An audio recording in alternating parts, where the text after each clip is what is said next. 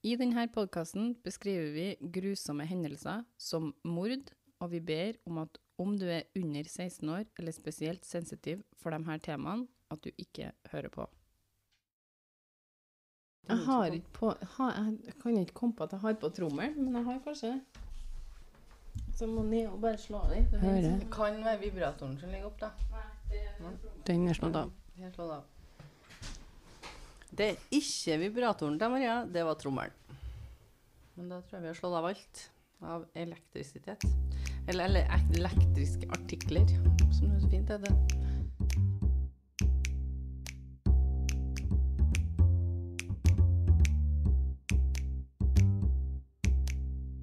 Hei, hei, alle sammen.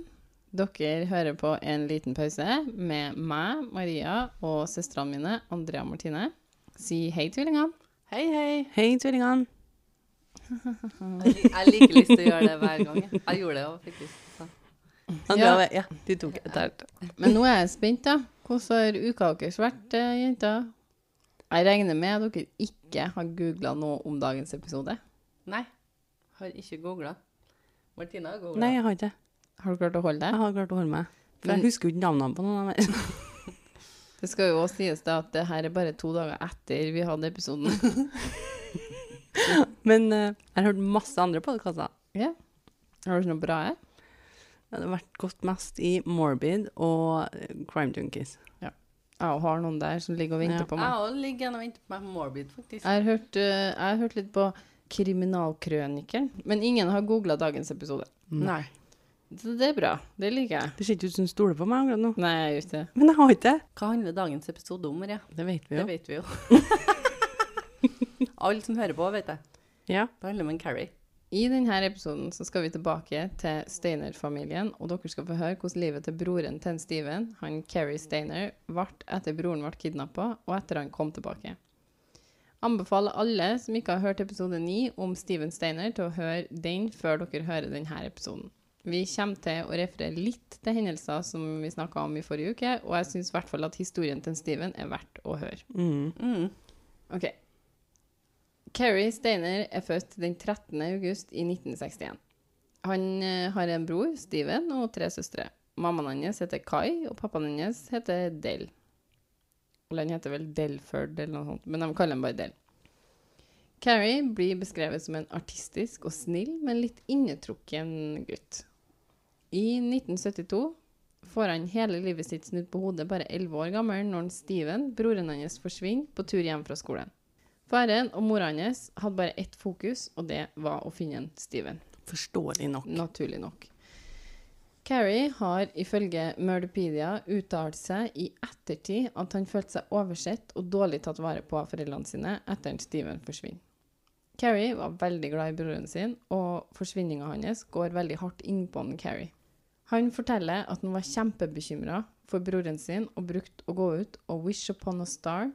Er ikke helt sikker på hva man sier på norsk Det. Hva betyr 'wish upon a star', da, Maria? Og wish upon a star, eh, det refererer til å gå ut på kvelden, og med en gang den første stjerna kommer på himmelen, så skal du gjøre et ønske, og da sier de at det ønsket kommer til å komme i oppfyllelse. Så det er det den Disney-sangen handler om? Kanskje? Ifølge en artikkel fra ABC News så sier barndomsvennen til en Carrie at han husker at en Carrie skulle egentlig ha vært med en Steven den dagen han forsvant. Og at en Carrie hadde nok mye dårlig samvittighet når broren ble kidnappa. Jeg kan se for meg at den dårlige samvittigheten ikke slipper når Steven kommer hjem heller, for da får de vite alt det han har måttet ha overlevd i så mange år. Og har opplevd og De som har hørt eh, forrige ukes episode, vet at en Steven kommer hjem til familien sin igjen etter sju år. Forsvinninga var vanskelig for Carrie, men det var òg hjemkomsten til broren. Broren Steven fikk kjendisstatus ganske fort og var på TV-intervjuer og masse i nyhetene. Ei bok ble skrevet om det som hadde skjedd med en Steven, og en TV-film ble laga. Carrie var storebroren til Steven. Han var fire år eldre og 18 år når Steven blir eh, gjenforent med familien sin. Steven hadde det veldig tøft i sju år, og han røyka og drakk mye de årene han var kidnappa. Og det fortsatte han med etter han kom hjem. Foreldrene mente at uh, han hadde vært gjennom så mye allerede, de trenger kanskje ikke å gå så hardt på da, i forhold til de uvanene han Steven kom hjem med. Men resten av ungene deres måtte fortsatt følge reglene hjemme. Og som jeg sa, Carrie var jo storebroren hans, men Steven oppførte seg ofte som om han var det. Og det her skapa flid mellom brødrene. Steven sa senere i livet at han eh, skulle ha prøvd litt mer for å få kontakt med en Carrie igjen, for en Carrie og Steven kom aldri noe godt overens etter at Steven kom hjem. Carrie var òg ganske sjalu på han Steven og all oppmerksomhet han fikk av foreldrene og resten av landet da, for øvrig. Han var jo, fikk jo oppmerksomhet fra alle. I et intervju sier han Carrie We never really got along that well after he came back. All of a sudden, Steve was getting all these gifts, getting all the clothing, getting all the attention. I guess I was jealous. I am sure I was. I was the oldest and all that. Then all of a sudden it's gone, and I got put on the back burner, you might say. Forståelig nok for Steven sin del, det der, da, egentlig. Men samtidig Men det er jo vanskelig å forstå det som unge gutter i puberteten òg, skal du si. Carrie ble diagnosert med trikotilomani, Og det er som er kronisk hårplukking. Å, det er sånn stressa opplegg, vet du. Ja, Når- Det kan være øyenbryn og vipper og alt det. Ja, alt hår. Når han bare var tre år gammel. Å ja, OK. Så før han Før Steven forsvant. Ah.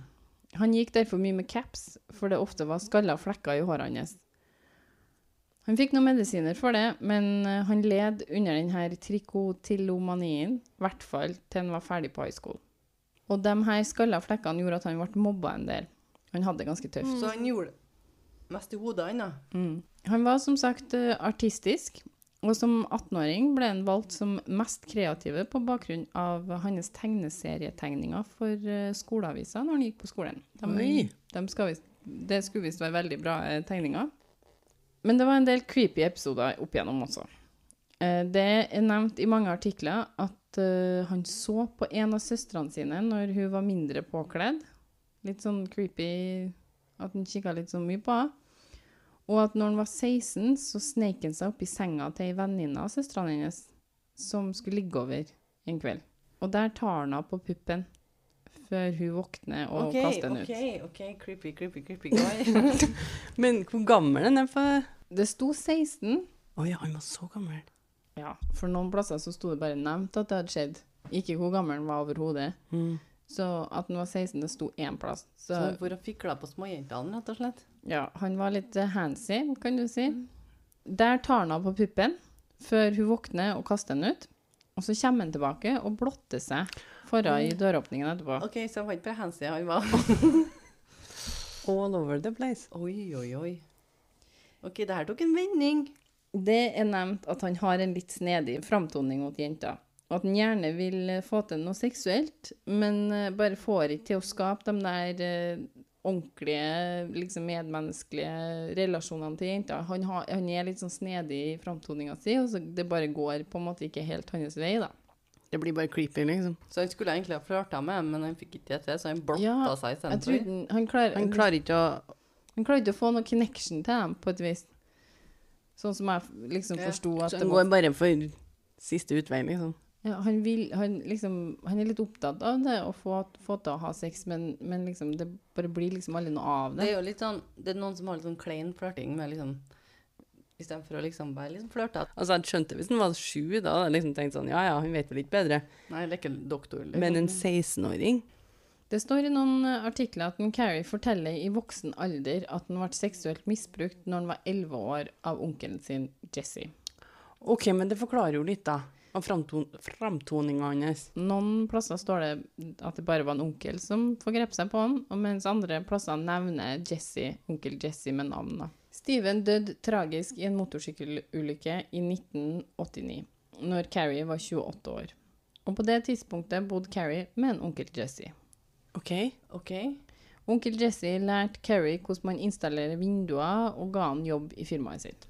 Året etter Steven døde, så kom Carrie hjem og fant onkelen sin skutt i brystet etter noe som så ut som et husran. Ok, Så vi vet slutten her nå, da. Så Steven har dødd. Onkelen har dødd. Og sinnet innen Carrie vokser seg større og større. I 1991, 30 år gammel, er det nevnt i noen artikler at han prøvde å ta livet sitt med karbodioksidforgiftning. Ok, Så hun satt satt i en bil. bil, Ja, satt i bil. Den kan vi. I 1995, så 34 år gammel, har han Carrie to ganske alvorlige nervøse sammenbrudd, som de nevner i ABC News-dokumentaren. Under det ene sammenbruddet så uttrykker Carrie at han kunne tenkt seg å ta bilen sin, kjøre den rett inn i vindusforretninga han jobber på, drepe alle på arbeidsplassen og tenne på hele skitten. OK. Ok, Så han er, ikke, han er ikke tatt for det mordet på onkelen sin, da, Nei, skjønner jeg? det er et uoppklart drap. Det er et uoppklart drap. ja. Men vi, vi tror da han. De har mistenkt ham for det, tror jeg. Altså sånn, det, er- nei, han gikk, gikk verken sikta eller dømt for det drapet på onkelen sin. Men de har sagt det kan jo være en mulighet her. Men nå har han lyst til å ta livet av seg sjøl og mange andre mennesker. Ja. Han eh, har noen eh, nervøse sammenbrudd, og under den ene, da, som jeg sa, så uttrykker han jo ganske heftig hva han har lyst til å gjøre. Han får hjelp til å komme seg på Markeed County Mental Health Department, og får hjelp etter den episoden. Men han er ikke der så veldig lenge. Og det tror jeg det er, det er, det er sjefen hans som tar han med seg. Dit. Du, ja, han sier liksom oi, oi, oi, kompis, Du trenger litt hjelp. tror du kanskje at vi skal fære og skaffe deg litt hjelp? Og det er han med på. Ja, det er han med på. Carrie han flytter litt rundt før han ender opp med å slå seg ned i Yosemite i 1997. 36 år gammel. Yosemite. Det er jo Her har vi jo vært før. Han begynner å jobbe for Cedar Lodge i Yosemite. Så en sånn her um, hytteplass. Det er han, han tilbakestående. Hva han på livet? Oh my fucking god. Her er det jo en kobling. Den tok jeg. Carrie er mye i Yosemite Park, hvor han røyker seg høy og søker tilflukt i marka. Han er overbevist om at Bigfoot bor der, og mener bestemt at han har sett den. Ok, så jeg mista litt. Veldig opptatt av Bigfoot. Bigfoot er en fascinerende fyr. ABC News forteller at en Carrie var ivrig på å fortelle om når han var ute og kjørte i området, og Bigfoot hoppa fram fra skogen. Og så forsvant han rett inn Oi, igjen. er det han? Er det han som er litt tilbakestående? Du har så puggefjes, Maria. Det er helt vilt. Det er jo det. Carrie var en godt likt ansatt. Han bodde i en av hyttene på Cedar Lodge, og han gjorde masse forskjellige jobber for dem. Han var litt sånn Litt vaktmester. vaktmester. Han vaska rommene og, og fiksa elektriske og mekaniske problemer rundt omkring. Sånn, så sånn, Jobba litt på og var litt sånn alt mulig mann, da. I 1999, etter at Carrie har jobba på Cedar Lodge i to år, så sjekker tre turister inn. De er Carol Sund på 42 år, dattera hennes Juliana Sund på 15 år, og venninna hennes, en utvekslingsstudent fra Argentina som het Silvina Palesso på 16 år.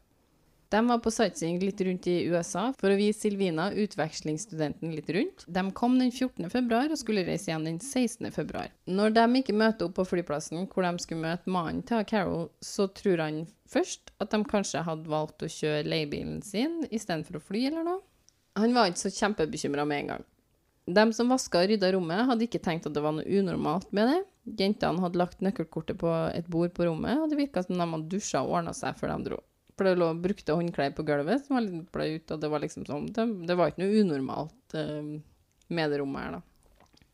Mannen til Carol hadde tenkt at kanskje de hadde dratt i forveien, så han drar til Phoenix, hvor de skulle møtes, men finner ikke jentene der heller.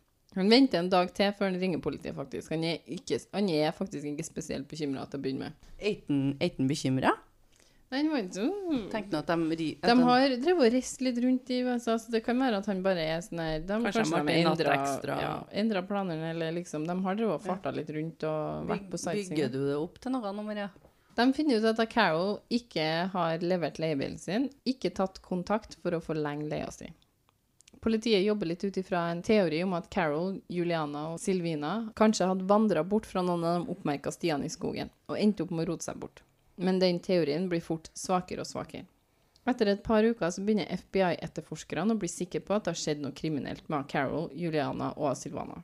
Er det en stor skog, liksom, så de tenker at det er faktisk Ja, ja, det, mulig å gå seg inn? det er en nasjonalpark. Altså det er en, Ja, okay, Ja. Vi snakker Det er store Ja. områder der, altså. Mm.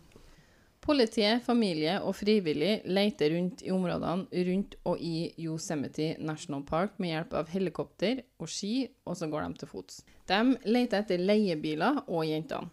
Så dukker lommeboka til Carol opp i Modesto, som er to timer med bil fra Cedar Lodge, der de bodde. Alle pengene og innholdet var i lommeboka ennå. På Criminal Library fant jeg ut at FBI flytta hovedkvarteret sitt til Modesto, der lommeboka var funnet, og fulgte opp mer enn 1000 ledetråder uten at de fant ut noe mer. I mars lyser mannen til Carol ut en dusør på 250 000 dollar til dem som kan gi noe informasjon som får Carol og jentene trygt hjem. Det er mye penger. Etter et par uker høyna han denne dusøren til 300 000 dollar, uten at det kommer inn noe som, noe som hjelper noe særlig, da. Nå er det midten av mars, og en av de andre døtrene til Carol, Gina på 13 år, leser et dikt foran mer enn 1000 mennesker som samla seg i Modesto, og hun sier Deep in my heart I know something my mind doesn't want me to learn. I try to stay strong because I know that's what you'd want your baby to be. But mommy, I don't want you to leave me. Bare et par dager etterpå, den 18. mars, ringer en hiker inn til politiet og forteller at han tror han har funnet den savna leiebilen. Det blir fort bekrefta at denne bilen er leiebilen til Carol. Den lå gjemt ved siden av Highway 108 ved Stanislaus Forest Region, som ut ifra det jeg kunne finne ut av, lå nærmere Modesto enn Cedar Lodge. I bagasjerommet finner de to brente lik. Så brent at de ikke er, de ikke er gjenkjennbare. Men de blir identifisert som Carol og Silvina ganske fort. Hvor er den siste? FBI er nå forferdelig redd for at Juliana enten har lidd samme skjebne, eller muligens kommer til å gjøre det ganske fort. De sprer seg langs eh, Highway 108 og spør ut folk. De som bor langs motorveien, og de som kjører der, dem, om de har sett hvordan biler havna utafor veien. Har det skjedd noe unormalt? Har dere sett jentene med noen? De prøver sitt beste å finne Juliana før det er for sent. Men den 25. mars, ved Lake Pedro i Tuolome County, en times kjøring fra Modesto, finner de Juliana død. Liket er veldig forråtna, men de finner ut at hun har fått halsen skåret over. Herregud. Ok, Så FBI og fire forskjellige politidistrikt begynner å ta inn mistenkte. Folk de tenker kunne ha gjort det, folk som var registrerte sexforbrytere osv. De henter inn folk og sjekker dem ut av saken ganske heftig. De bare Ganske heftig, ja. Ganske fort. Ja, altså, vi må bare Hvem er det som kunne ha gjort det? Vi må bare sjekke ut Ja. alle, sant? De har en teori om at den som har gjort det, må ha kjent stedet veldig godt for å vite hvor de skulle dumt den bilen her. For den leiebilen var ganske godt synlig. Og en ganske godt synlig bil. Men ingen har sett den, så de teoriserte om at den som har gjort det her, må være godt kjent i området, for han hadde klart å liksom kjøre den bilen her uten at noen så det, og liksom, ja. Så den, det er noen som vet de skal, hvor de skal kjøre, og når de skal kjøre. Folk er ganske redde. Fordi de snakker om at det kanskje er en morder blant dem som bor i området. Så de, folk begynner å få litt sånn Noia. eh, noia. Noia. Panikk. Så uttaler han som leda FBI-etterforskninga seg i midten av april og sa at dem som hadde gjort det, var i varetekt. De har fire mistenkte. En Michael, en Eugene, en Billy og en Daryl. I tillegg hadde de flere de mistenkt for å ha bistått eller vært vitne til det som hadde skjedd. Så her er det mange folk de har noen tanker rundt. Dette er liksom ei, ei stor gruppe mennesker. Interesse. til- Mm. Ja. Flere ble intervjua og sjekka ut av saken. En av dem som ble intervjua og sjekka ut av, en, av saken, er en Carrie Steiner. Han jobba som sagt på Cedar Lodge som vaktmester. Han hadde så langt i livet ikke noe kriminelt på rullebladet, og blir fort sjekka ut av den saken der. De tenker det her er det jo ikke noe å ta tak i, liksom. Og veldig mange har snakka veldig varmt om en Carrie. Ja, og så er han er vel et, Alle vet vel hvem han er òg, for det kommer vel fort ut at han Altså er broren, broren. til Steven. Ja. I juni Juni, ja. I juni, ja. Så lang tid, ja. så sier politiet at selv om ingen har blitt sikta for drapene, for det er ingen som er sikta for dem ennå, så var de sikre på at de hadde de tre som var ansvarlige i varetekt. Og alle puster letta ut. Her er de fanga, liksom. Det, Vi kan starte dagen igjen. det går bra. Så bare tre uker etter FBI sier at de er sikre på at de har dem som er ansvarlige, blir de tvunget til å åpne saken igjen. For det skjer et mord til. Nei! Nei. Ikke Nei. langt fra Cedar Lodge. 22. juli finner de Joey Ruth Armstrong halshugd og gjemt bak hytta si. Hun var ei 23 år gammel jente som jobba på Yosemite Institute. Joey hadde kvelden før hun ble funnet drept, skulle ha dratt for å besøke en venn. Og det var denne vennen som ringte og etterlyste henne når hun ikke dukka opp. Politiet finner bilene hennes pakka og klar foran hytta der hun bodde, Og det leda dem til å finne Joey sin ødelagte kropp. Hva, jeg skjønner ingenting. Har han Carrie her nå blitt en seriemorder, liksom? Ifølge Criminal Library var Joey ei artig og entusiastisk jente full av liv som trivdes godt i naturen.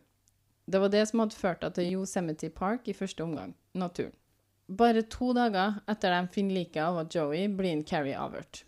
De får fort tak i informasjon om at han er på en uh, nudiststrand. For det var han glad i. Han var Oi. glad i nudist, Nei. og å gå litt sånn naken og sånn. Han var glad i å vise seg frem, han. Og han blir tatt med inn på stasjonen. Ikke lenge etter blir han arrestert og sikta for drap. De ransaker boplassen hans, bilene hans og tar sjekken hans. Når de ransaker boplassen, sier de at de finner bevis som knytter Carrie til Carol, Juliana, Silvinia og Joey sine drap. Og alt det her skjedde i løpet av ei helg. Så på mandagsmorgen, før han skal i retten, der de offisielt skal reise tiltale mot den, så blir han intervjua av en reporter fra KNTV. Og han tilstår. Han tilstår alt. Til nyhetskanalen. Ja, bare Idet han går inn, eller? Eh, Ja, han skal inn i liksom retten, og så har han et intervju med en, med en fyr, da. Fra en, en reporter. Men har han da tilstått i, i, til politiet, eller? Ja, politiet sier etterpå Ja. eh, at han hadde tilstått til dem òg. Ja. I det intervjuet her sier Carrie at han har fantasert om å drepe kvinnfolk de siste 30 årene. Så før Steven forsvant, har han tenkt på Er det det. han sier i intervjuet? Han sier det i intervjuet, ja. Han sier at ingen av ofrene ble seksuelt misbrukt på noe vis. Den 15. februar så banka han på døra til Carol, Juliana og Silvina. Skal du fortelle oss hva som har skjedd her nå? Ja. Han hadde sett inn gjennom det åpne vinduet deres at de tre var der alene. Carrie banker på og sier til Carol at han må fikse en lekkasje på badet. Carol er ikke sånn eh, kjempeinteressert i å slippe han inn. Det er ganske seint, så hun er litt sånn Nei da, det går fint. Uh, ordner seg. Carrie forklarer at det er greit, men da må han gå tilbake til sjefen sin og forklare hvorfor den ikke er fiksa, Oh, og da komme Da kommer han bare til å sende meg tilbake igjen, liksom. Jeg blir stressa. Òg. Og Carrie sier greit, han kan komme inn og fikse det. Carrie går inn på badet en stund, men kommer fort ut med en pistol i hånda og sier jeg er desperat. Han dreper Silvina og Carol i hytta deres ved å kvele dem.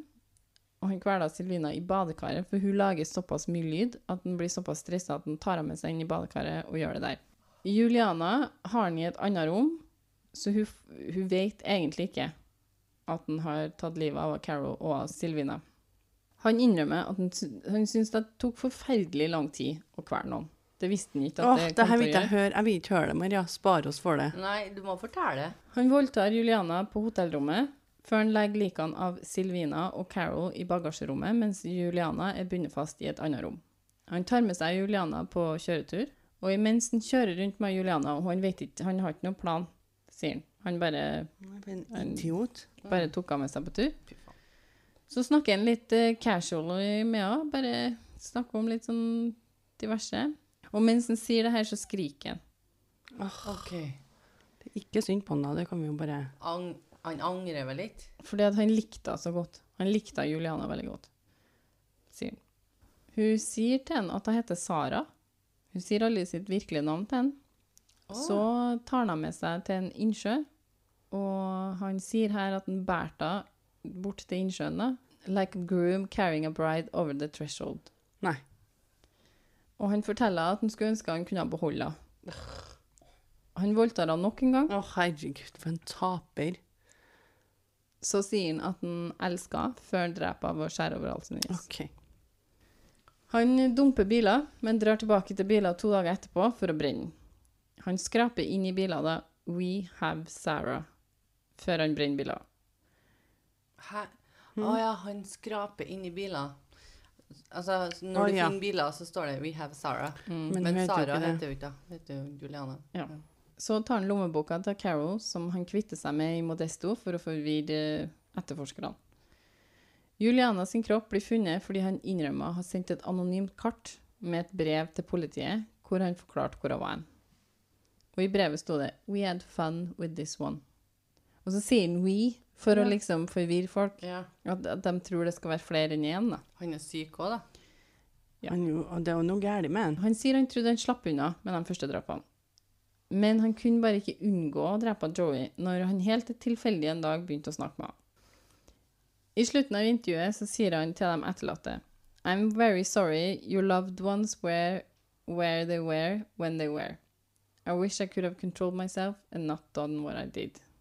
Føler Som om det i at hele tatt skulle være noe Det er bare å kontrollere seg sjøl. mm. Når Carrie gjør drapet på Carol, Juliana og Silvina, var han godt forberedt. Han rydda etter seg, tok av senger, satte opp rommet så det så ut som de tre hadde dratt derifra etter å ha dusja og ordna seg. Han var liksom det var, Han staga veldig mye. Han påpeker at uh, han ser Discovery Channel, så han vet hvordan man ordner opp etter et drap. da. Så han, han var litt sånn ja, for det lærer de bort der, eller?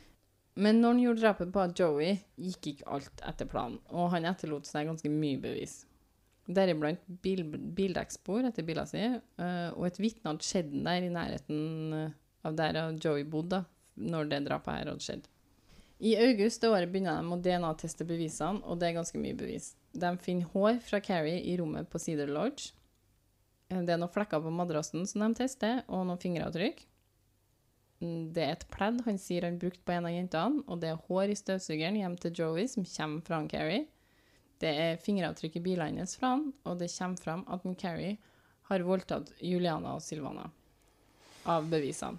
I 2000 blir det søkt om dødsstraff for han Carrie, og han innrømmer å ha seksuelt forgrepet seg på Joey òg.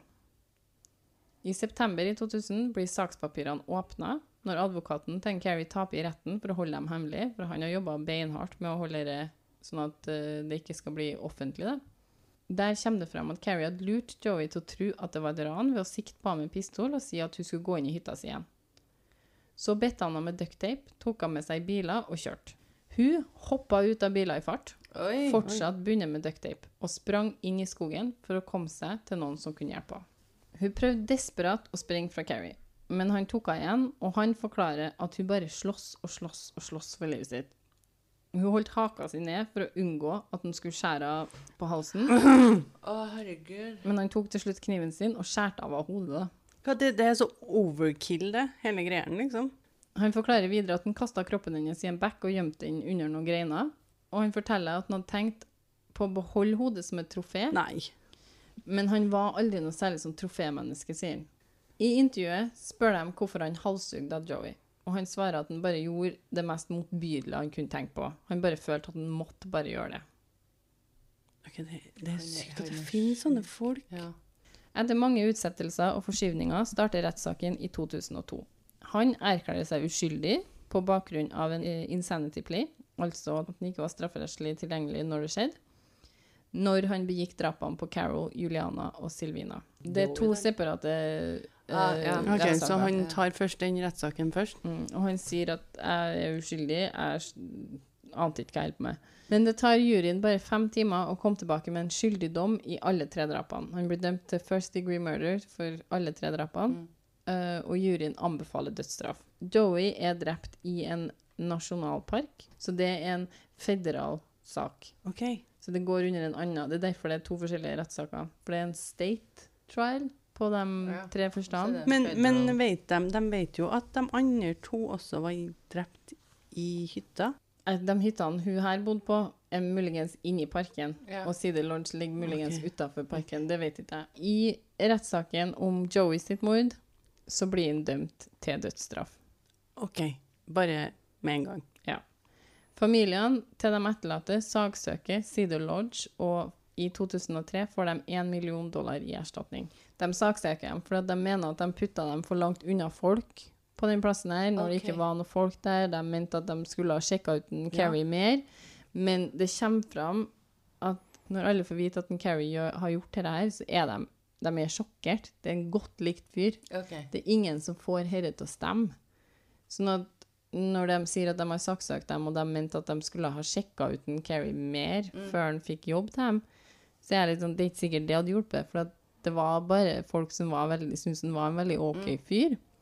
Han tidligere sjefen hans, han var helt sånn her, vi, vi, vi får ikke dette til å stemme, men vi skal ikke si noe mer om det. I, av respekt for de etterlatte i de sakene her. Så de, de uttaler ikke seg noe mer enn det, men de, de syns det er Er det noen som mener at han ikke har gjort det, liksom? Nei, ikke sånn direkte. kan, jo, Han, du kan jo ikke sitte og si at 'jeg likte den kjempegodt', uh, altså, og jeg tror ikke den har gjort det. Det er jo ikke det du kan si. Altså, er nå det de er, så jeg tror ikke det er noe tvil om at han har gjort det, Nei. men de får det liksom ikke til å stemme med sitt bilde av henne. Carrie sitter nå på dødscelle i San Quentin State Prison i California. Han venter fortsatt, han. Du har et brødrepar, Steven og Carrie. Og Steven vokser opp i ekstreme forhold og tar med seg en guttunge på Altså å redde den fra en pedofil, liksom. Mens den andre broren, som har vokst opp i et kjærlig hjem, ender opp som seriemorder. Ja, det er helt, helt sjukt. Da gjenstår det bare å si takk for i kveld, jenta. Nok en gang ikke takk. Nei, men den er, det er så sykt at det her skjedde med en Steven, for det er egentlig en ganske syk historie i seg sjøl. At han har bodd med noen, blitt kalt Dennis, liksom alt det som Så- skjedde med han. Hva skjedde med hodet ditt når du kom over at broren var en seriemorder? Hva er det du forteller, liksom? Jeg bare sånn her, Er ikke vi ferdige nå? Jeg er jo helt utmatta etter den historien der. Og så bare Broren hans er en seriemorder. Hvordan i Hva De svarte. Vi setter pris på om dere følger oss på Instagram, som er En liten pause. Der legger vi ut litt info om episodene, og oss sjøl faktisk av og til. Mm. Hvis dere lurer litt på hvem vi er. Og litt fra poddinga og innspillingene og ja, diverse. Martine er god på memes. Det bruker hun å legge ut. Mhm. Om du har tilbakemeldinger, tips om sak eller andre ting du vil sende til oss, så har vi mail, som er En liten pausepodkast at gmail.com. Sammenhengende. Takk for at du lytta til episoden, og vi høres neste uke. Ha det. Ha det. Ha det. Hei nå.